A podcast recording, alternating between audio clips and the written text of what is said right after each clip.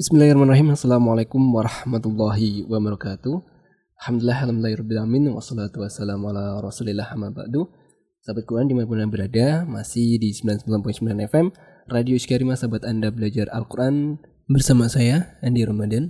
Dan tentunya pada kesempatan hari ini, dalam program acara Majelis Takon, Majelis Tanya Jawab, dan juga konsultasi masalah hukum-hukum keislaman yang insya Allah akan dibersamai oleh bersama Syekh Abdul Qadir Abdul Aziz dan juga mutadim kita yang pada kesempatan hari ini sudah hadir di studio kita yaitu Ustadz Abdul Mujib nah, pada kesempatan hari ini.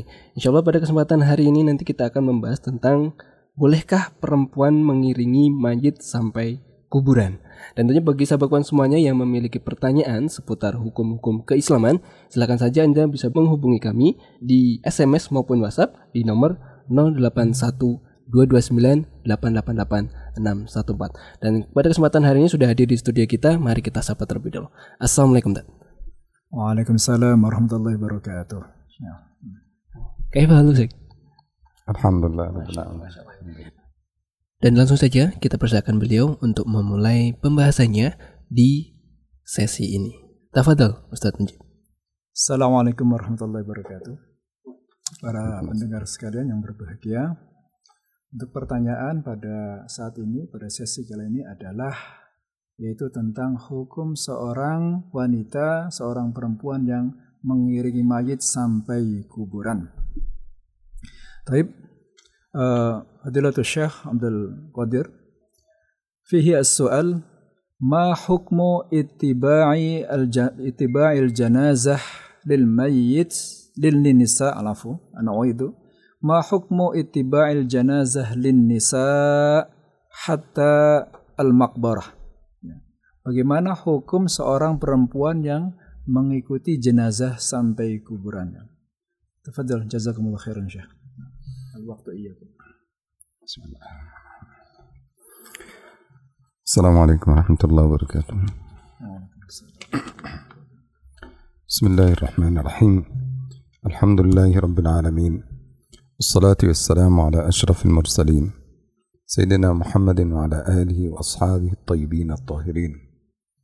رب اشرح لي صدري ويسر لي أمري واحلل عقدة من لساني يفقه قولي. ربنا لا تزغ قلوبنا بعد إذ هديتنا وهب لنا من لدنك رحمة إنك أنت الوهاب. اللهم سلمني وسلم مني اللهم سلمني وسلم مني اللهم سلمني وسلم مني. أما بعد. فأما اتباع النساء إلى الجنائز وقد اختلف فيه الفقهاء إلى عدة مذاهب. المذهب الأول وهو مذهب أبو حنيفة رضي الله عنه قال أنه يكره على المرأة كراهة تحريم أن تخرج أو تتبع الجنازة Ya. Tentang hukum wanita yang mengikuti jenazah sampai ke makam, sampai ke kuburan ini, para imam madhab berbeda pendapat dalam hal ini. Yang pertama adalah Imam Abu Hanifah.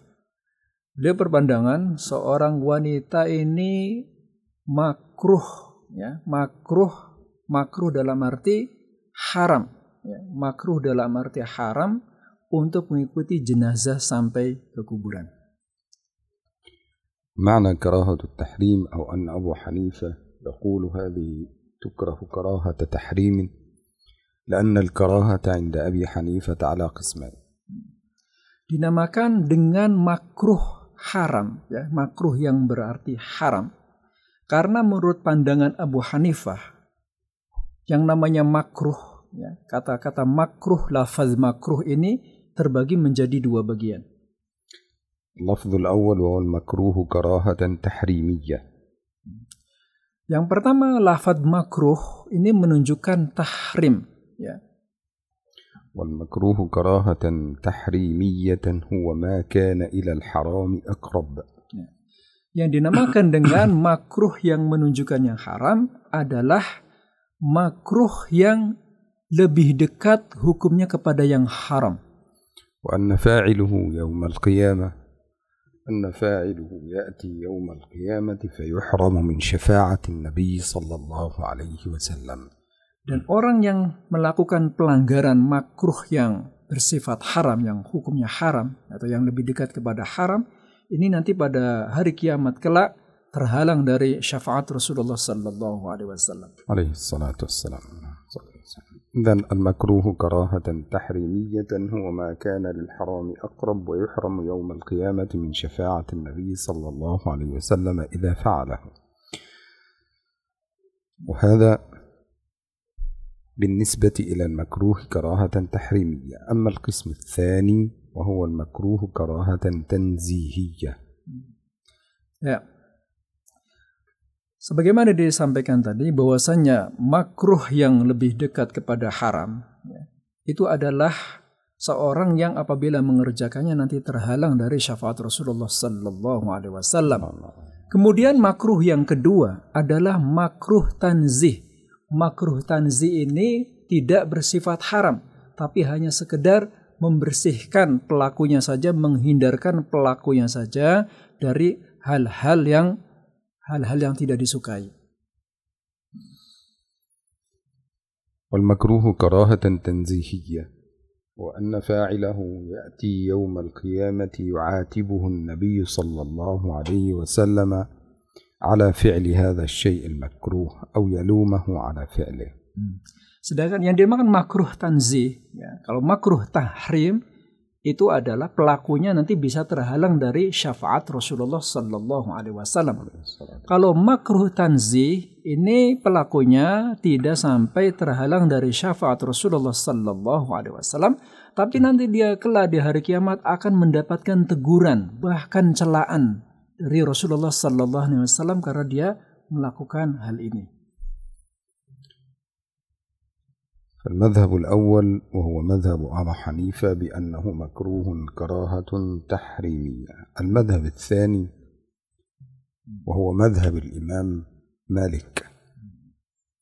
وقال يجوز للمرأة أن تخرج للجنائز وأن تتبع الجنازة.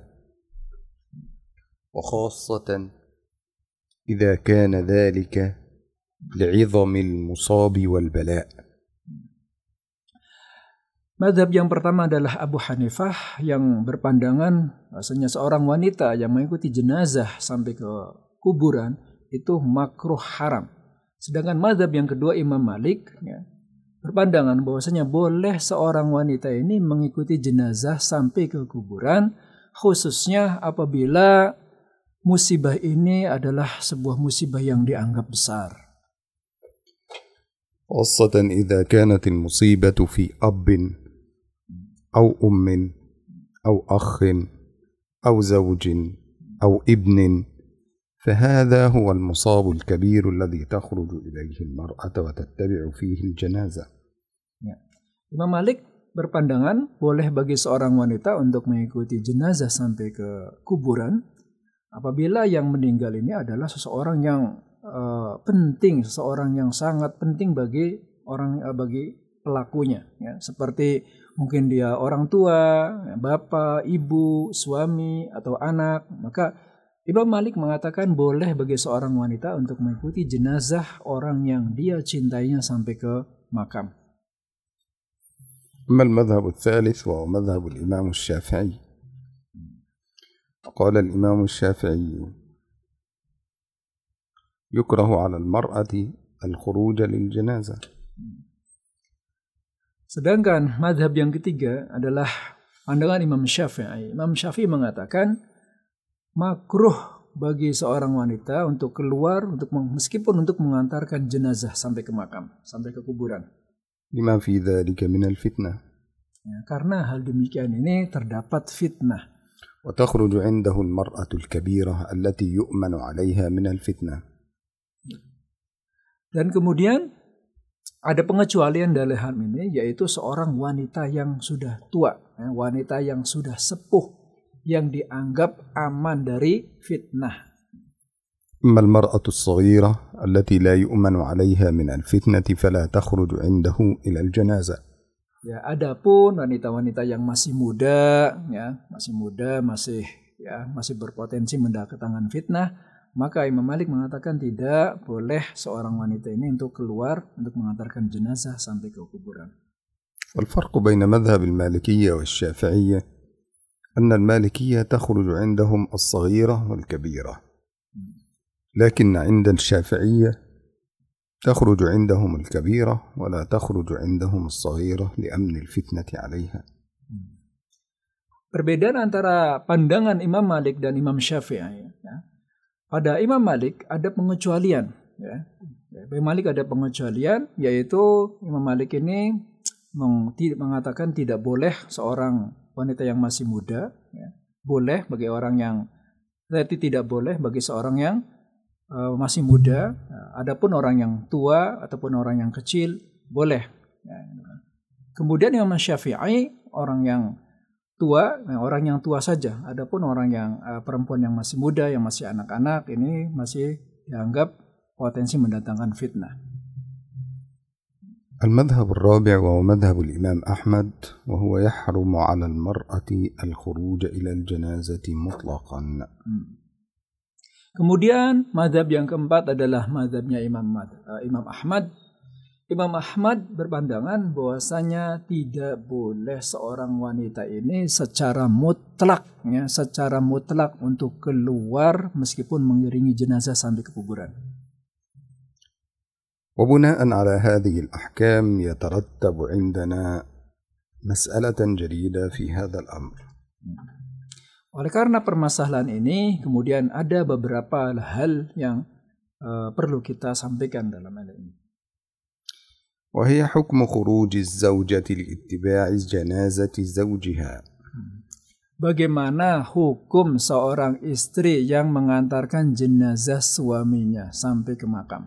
هل ستخرج أم لا تخرج بناء على المذاهب الفقهية التي عرضناها الآن Ya, apakah seorang wanita ini, seorang istri ini akan keluar mengantarkan jenazah suaminya ya, berdasarkan pandangan imam-imam mazhab yang keempat ini? فنأخذ من ذلك الخلاف على مذهبين Hmm. Oleh karena itu khilaf ini kita dudukan pada pandangan mazhab, eh, ima- pandangan mazhab dua imam. أو يمكن أن نقول ثلاثة مذاهب Atau bisa juga tiga mazhab.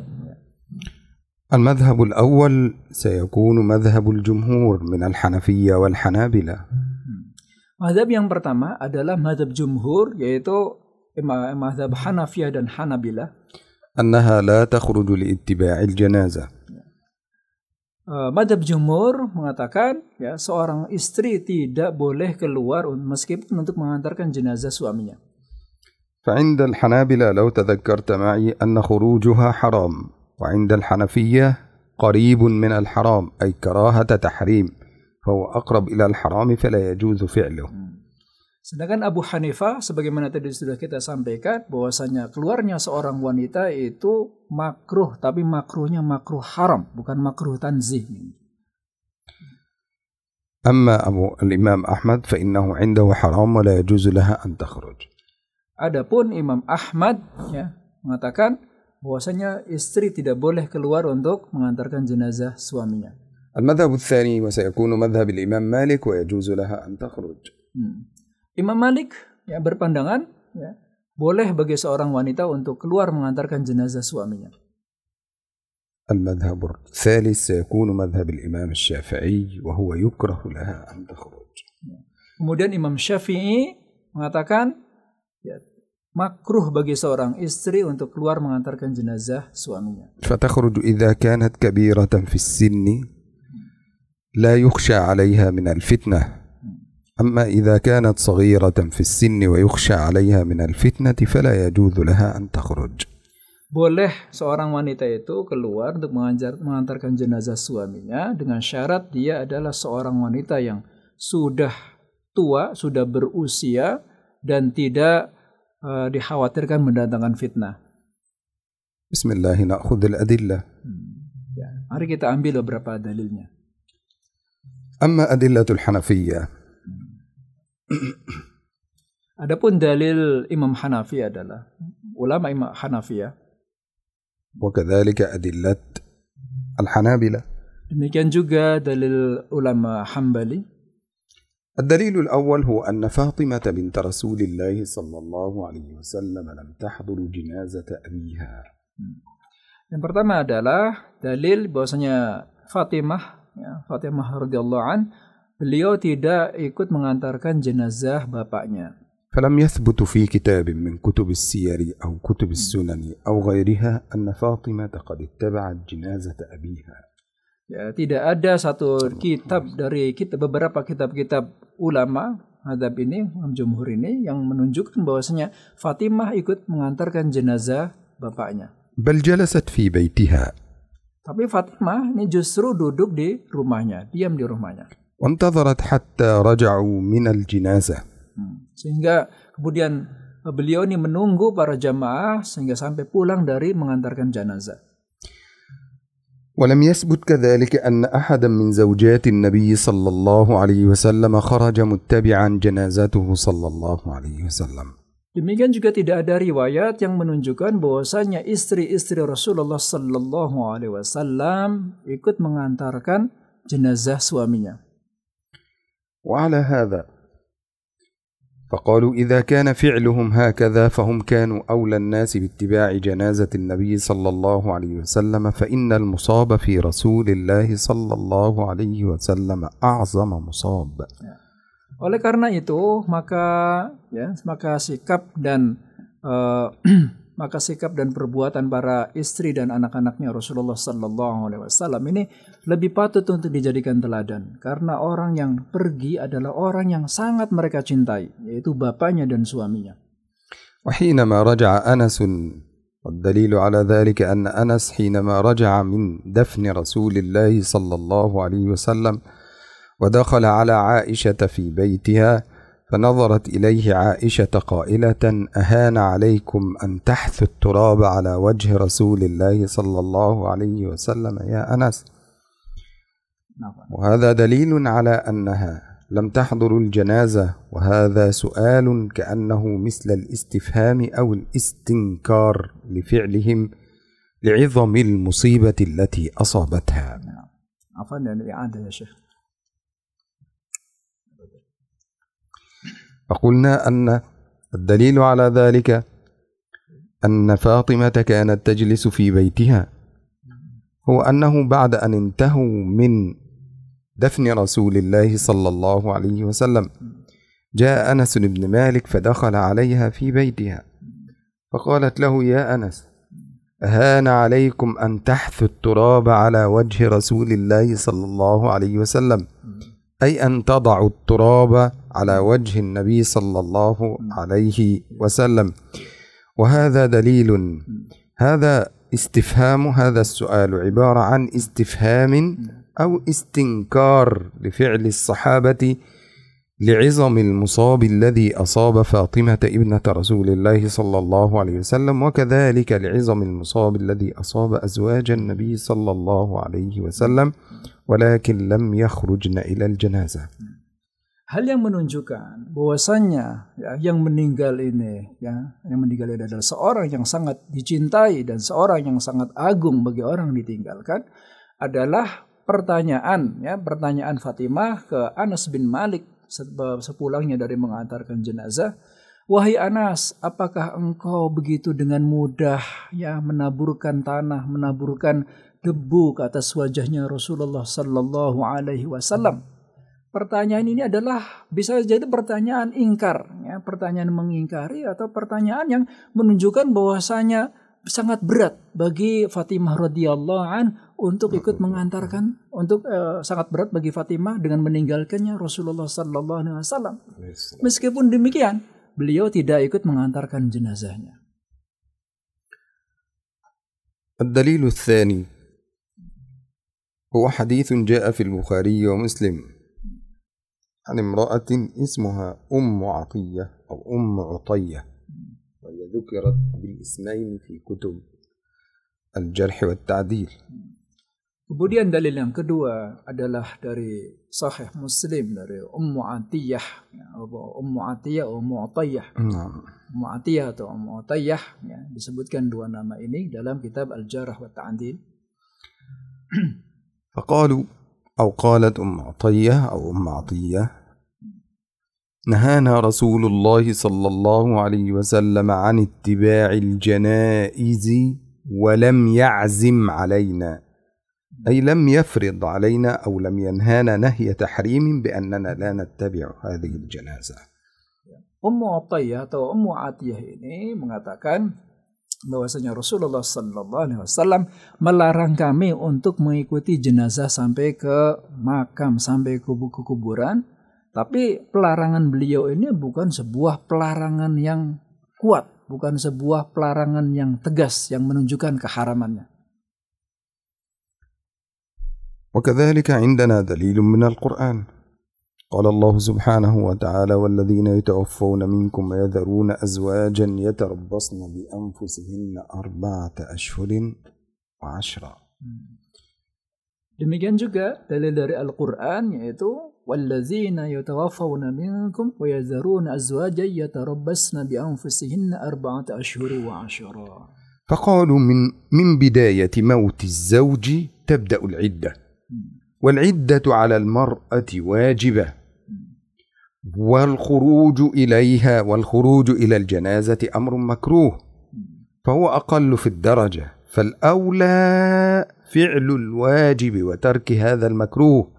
لأن خروجها من بيتها ليس من الحاجة التي تدعو أن تخرج إليها المرأة فلا يجوز لها أن تخرج للجنازة. Jadi begitu ya, begitu suaminya meninggal, maka kewajiban iddah ya, maka iddah sudah berlaku bagi seorang bagi seorang wanita ya.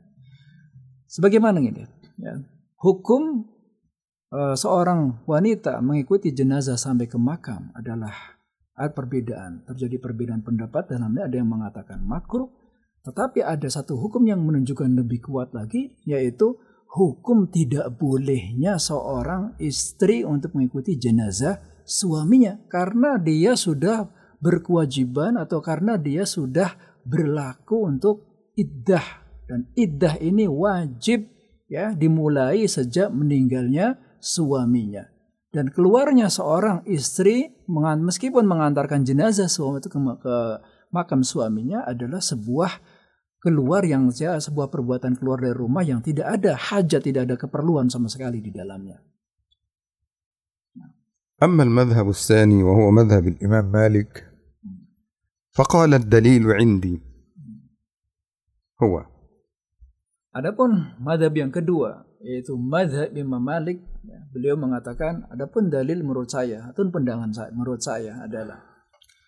قال هو نفس الحديث الذي استدلوا به وهو حديث أم عطية أم عطية وهو نهانا رسول الله صلى الله عليه وسلم عن اتباع الجنائز ولم يعزم علينا وقوله لم يعزم علينا أي لم يحرمها علينا ولم يوجب علينا الجلوس في البيت فبالتالي يجوز لها أن تخرج وخاصة إذا كان مصابها عظيم في أهلها Adapun dalil yang dari Imam Malik adalah sebagaimana dalil yang tadi sudah, disampaikan yaitu Ummu Atiyah atau Ummu Atiyah bahwasanya Rasulullah sallallahu alaihi wasallam bersabda nahana Rasulullah sallallahu alaihi wasallam an ittiba'il janazah falam yu'zim falam yu'zim alaina. Rasulullah sallallahu alaihi wasallam melarang kami untuk mengikuti jenazah tetapi beliau tidak mengatakannya secara tegas sebagai eh, larangan yang menunjukkan haram ya atau mewajibkan kepada kami untuk hanya duduk di rumah saja. فقال الإمام مالك قوله ولم يعزم علينا هذا يدل على أنه لا يوجد تحريم ولا يوجد فإن النهي هنا يقتضي الكراهة فقط لكن هذه الأمور ليس فيها مشكلة لأن عنده سببين. أولا في وقت المصاب في وقت المصاب لا يفكر أحدا في الفتنة أو الفاحشة. فكل الناس مشغول بالميت ومشغول بحاله. فهي تخرج مشغولة بزوجها فلا يمكن أن تكون مشغولة بزوجها. وتخرج وقد أصابها ألم في قلبها من موت أبيها أو أمها أو أخيها أو زوجها وهي تبحث عن الفاحشة. وبالتالي فإن خروجها هنا فيه أمن للفتنة. الأمر الثاني أن الأمن عند الإمام مالك يقتضي أن تكون في رفقة رجال مؤمنون ونساء مؤمنات. فإذا خرجت وكان هناك رجال مؤمنون ونساء مؤمنات فلا يمكن أن تقع الفاحشة في وسط كل هؤلاء الناس وبالتالي يجوز لها أن تخرج إلى الجنازة. Imam Malik eh, berpandangan demikian yaitu dari hadis Ummu Atiyah atau Ummu Atiyah ini eh, ya kemudian beliau mengatakan walam yufrid alaina walam ya'zim alaina dan Rasulullah sallallahu alaihi wasallam tidak mengatakannya secara tegas sebagai larangan yang menunjukkan haram atau kewajiban hanya kepada wanita untuk hanya duduk di rumah dan tidak mengikuti jenazah. Ini karena sebabnya dua hal. Ya. Yang pertama adalah seorang wanita yang sedang tertimpa musibah tidak mungkin berpikir untuk melakukan untuk, berbuat sesuatu yang perbuatan perbuatan yang maksiat ya. Dia sedang dalam keadaan berduka cita ya. Tidak mungkin dan sangat jauh dari dirinya untuk berpikir untuk berbuat serong atau berbuat maksiat.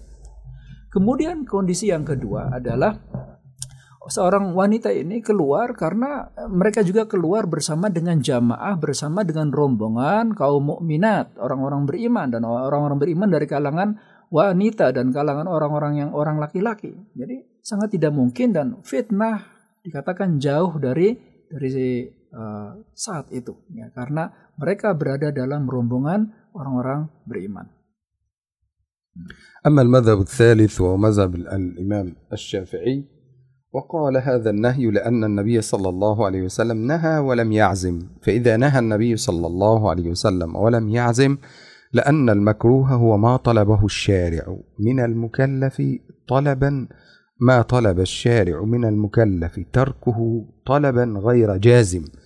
أي لو قالت أم عطية أو أم عطية نهينا عن اتباع الجنائز كان هذا فقط يدل على التحريم. ولكن قولها ولم يعزم علينا هذا يدل على الكراهه فتخرج المراه الكبيره التي يؤمن عليها من الفتنه واشترطوا لذلك عده شروط نذكرها بعد ذلك ان شاء الله Adapun Imam Syafi'i berdasarkan hadis yang dari Ummu Tayyah atau Ummu Atiyah nahana Rasulullah sallallahu alaihi wasallam an itibal janazah walam walam ya'zim alaina. Hal ini menunjukkan akan menunjukkan makruh. Dan makruh ini adalah sebuah permintaan asyari ya, asyari yakni Allah Subhanahu wa taala kepada hamba-hambanya untuk meninggalkan sebuah perbuatan dan eh, sebuah perbuatan tapi tidak menunjukkan keharaman, ya, tidak menunjukkan keharamannya. Kemudian walam yufrid walam ya'zim alaina ini uh, pokoknya saya seorang ya, seorang yang melakukan ya, seorang yang uh, mengikuti jenazah ya.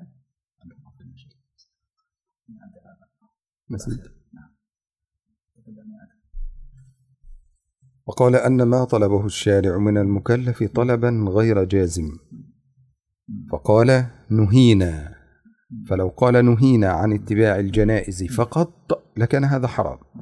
لكن قوله ولم يعزم علينا هذا يدل على انه للكراهه لأن هذا طلب غير جازم للمكلف Jadi perkataan Ummu Atiyah atau Ummu Atiyah ya nahana Rasulullah sallallahu alaihi wasallam an ittiba'il janazah walam walam yu'zim alaina Seandainya beliau mengatakan, Nahana Rasulullah sallallahu alaihi wasallam an ittiba'il janazah. Ya.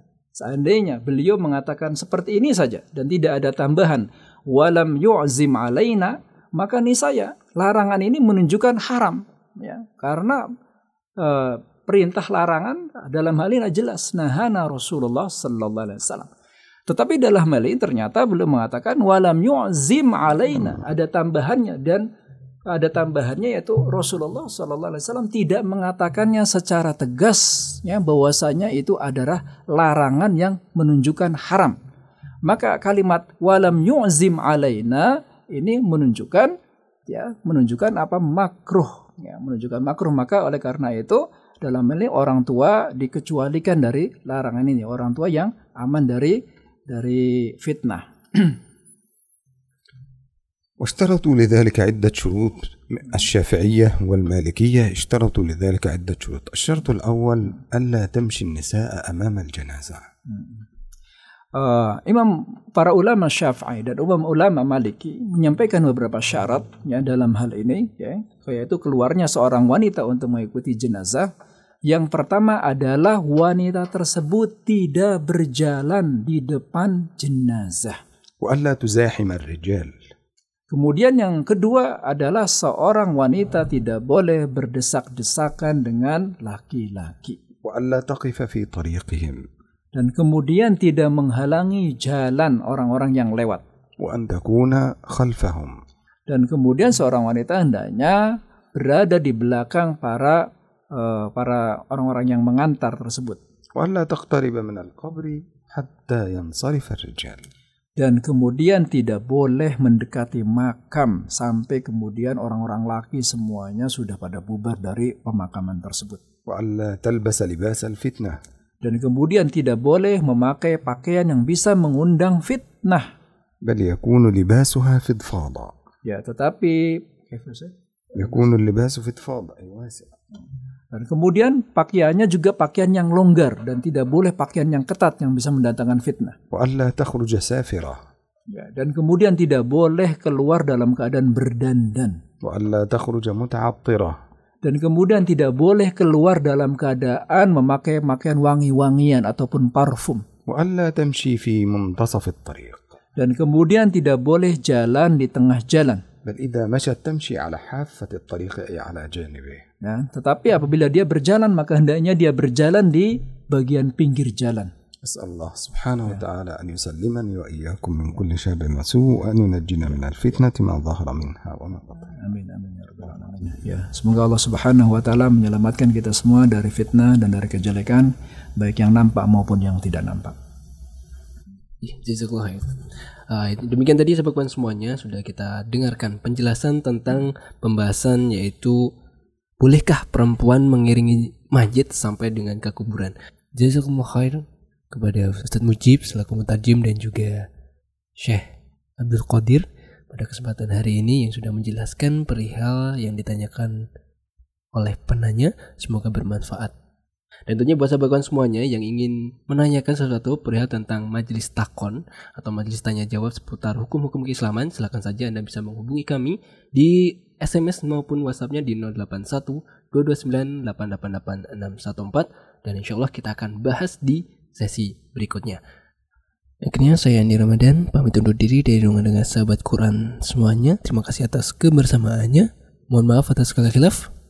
Kita tutup dengan hamdalah dan doa kautu majelis.